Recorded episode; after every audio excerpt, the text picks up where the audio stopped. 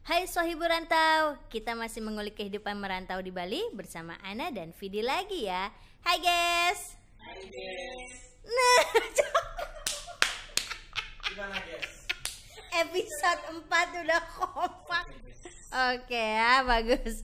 Gitu dong, kayak boy band ya kan? Oke. eh kalian dampak yang terasa dari COVID-19 tuh buat kalian sama keluarga gimana? Apalagi di Bali nih ya, kan kita tinggal di Bali. Ayo Vidi dulu.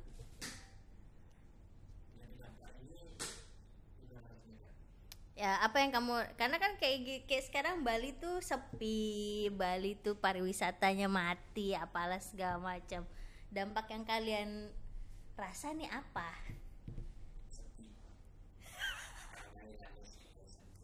Terus, jenuh gitu. dengan keadaan pandemi ini dengan teman kita jadi ngobrolnya apa kedekatannya juga terlalu udah menjaga jarak gitu. kalau dulu kan jadi kita bebas bergaul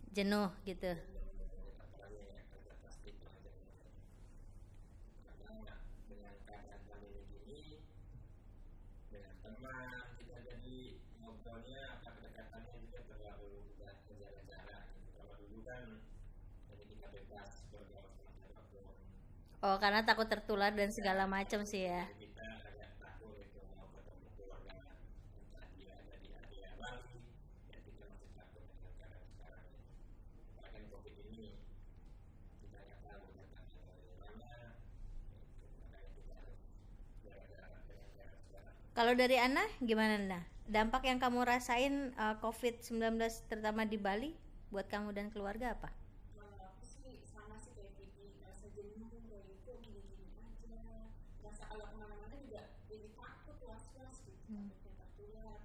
gimana. Kan enggak gitu. Terus ya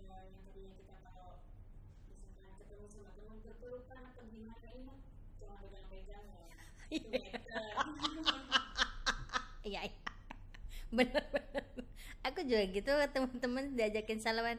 No, sorry. Biasanya juga pelukan nggak ada peluk-pelukan ya nggak ada cipika-cipiki kecuali sama gebetan. Eh gimana? oh iya maaf, Vidi nggak punya gebetan. Ups. Nah, terus kalau dari kalian berdua selama kan kita tahu ya Bali tuh sep- paling sepi karena paling yang ngerasa dampaknya tuh Bali gitu karena kan pariwisata di sini semua. Nah, kalau dari kalian sendiri kalian berdua bertahan selama pandemik nih gimana?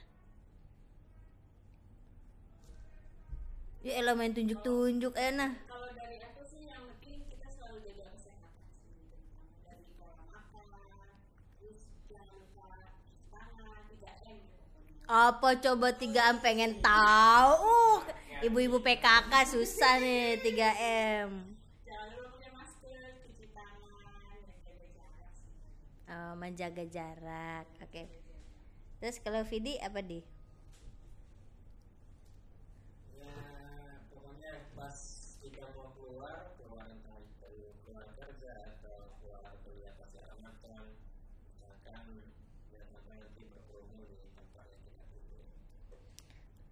Cuma paling eh, nambahin selama buat sohibu rantau ya maupun kamu di ranta- perantauan mana pun ketika kamu eh, menga- menghadapi pandemik ini sih sebaiknya cara bertahan kita adalah memang tetap menjaga kesehatan karena kalau kita sakit pasti akan lebih repot terus juga kita tidak punya penghasilan. Iya kalau masih kerja kalau yang nggak punya pekerjaan terus juga sakit itu lebih PR banget ya kan. Udah nggak kerja sakit lagi ma- makin nyusahin orang gitu kan.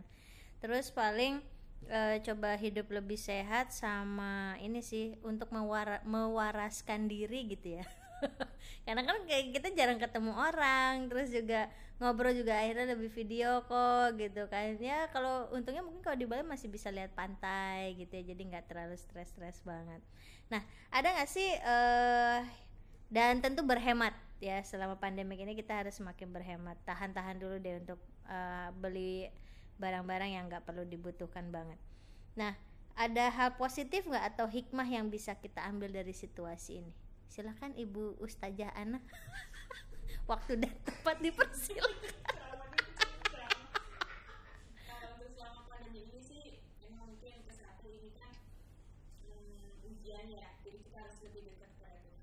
Hmm. terus sama keluarga yang misalkan jarang berkumpul jadi Hmm. Terus berkumpul tuh maksudnya gimana kan katanya nggak boleh berkumpul. maksudnya berkumpul dengan keluarga gitu Iya gimana? Kan nggak boleh ketemu. Jadi nggak boleh kerumun. maksudnya kan masih banyak orang yang kerja di rumah gitu Hmm. Maksudnya tuh ber- berkumpul sama keluarga tuh maksudnya tetap jaga komunikasi. Jadi Oh. lancar gitu. Ya ya. Lewat handphone.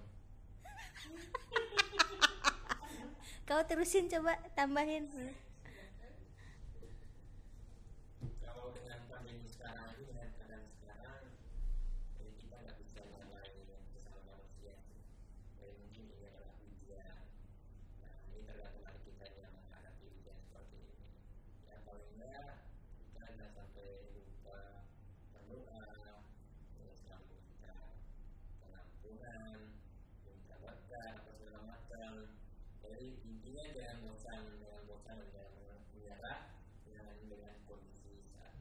Jadi hikmahnya apa nih? Gara-gara ada covid nih kita jadi apa? Kita akan jadi lebih baik kah? Kita akan lebih rajin beribadah kah? Atau kita jadi pribadi yang lebih hemat kah? Kalau dari kalian sendiri gimana? Jadi kalau dari aku sendiri sih mungkin jadi kita harus lebih dekat lagi Tuhan. Oh berarti sebelumnya jauhan?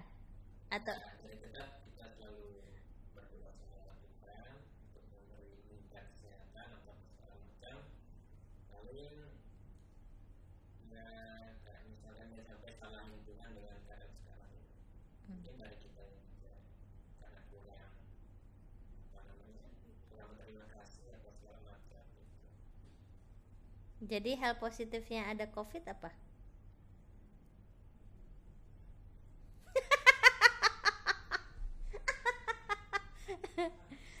Jadi so ibu rantau ketika kita menghadapi masalah atau misalkan menghadapi kesulitan pada saat kita merantau pasti ada selalu eh, selalu ada hikmah di balik itu. Either kita menjadi pribadi yang lebih kuat, either kita menjadi eh, orang dengan pemikiran yang lebih positif kayak teman-teman tadi kan kayak Ana Mafidi melihat eh, gejala Covid atau kasus Covid-19 di Bali ini jadinya mereka lebih dekat lebih dekat ke Tuhan terus juga lebih melihat sesuatu itu eh, berpikirannya lebih positif nggak negatif terus juga kayak eh, soal hemat dan segala macam ya itu makin ditingkatkan. Jadi segala musibah atau masalah ya pasti ada hal positifnya selama kita memang mau mencari hal positifnya. Bukan cuma serta merta apa ya mengutuk atau misalkan jadi males-malesan gitu kan gara-gara nggak ada pekerjaan jadinya lebih lebih lemes lah kayak Marcel. Ya kan? Iya Marcel jadi lebih banyak di rumah pada udah nggak ada kerjaan. Nah beda. Semua orang me- menghadapi pandemik ini tuh beda-beda. Tidak semua orang bisa melihat hal positif dari pandemik ini. Jadi harapannya sih ketika kamu merantau ataupun kamu tidak merantau pun setidaknya terus melihat bahwa ada hikmah di balik situasi ini. Nah kalau dari kalian berdua nih kalau COVID-19 sudah selesai, apa yang mau kalian lakukan?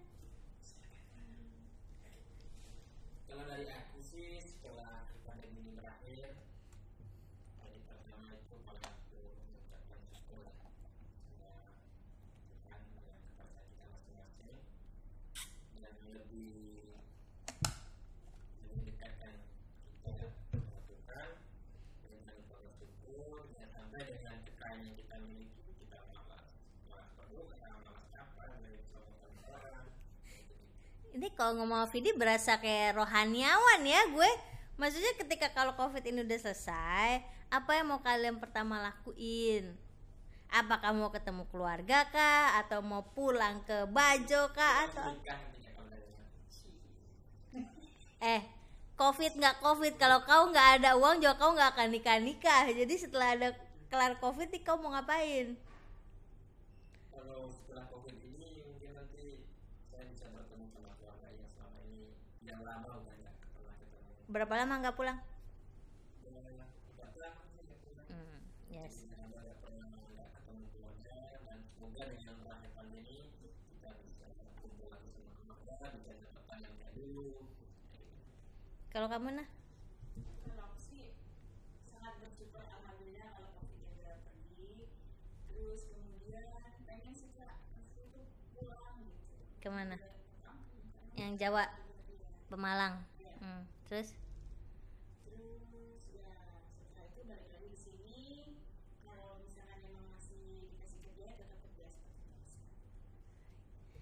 kalau aku kalau COVID-19 udah usai, aku mau keluar negeri. Eh, Malaysia, dah Malaysia. Atau mau Timor Leste. Timor Leste kan juga luar negeri. Oke, so Ibu Rantau episode 4 segini dulu ya. Jangan lupa dengerin episode-episode berikutnya. Dadah.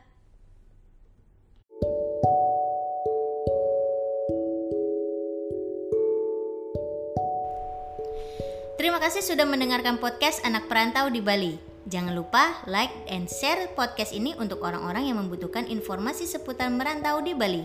Buat kamu yang sudah merantau di Bali, yuk share cerita kamu via DM Instagram di Filosofi. F E L O S O V I. Filosofi.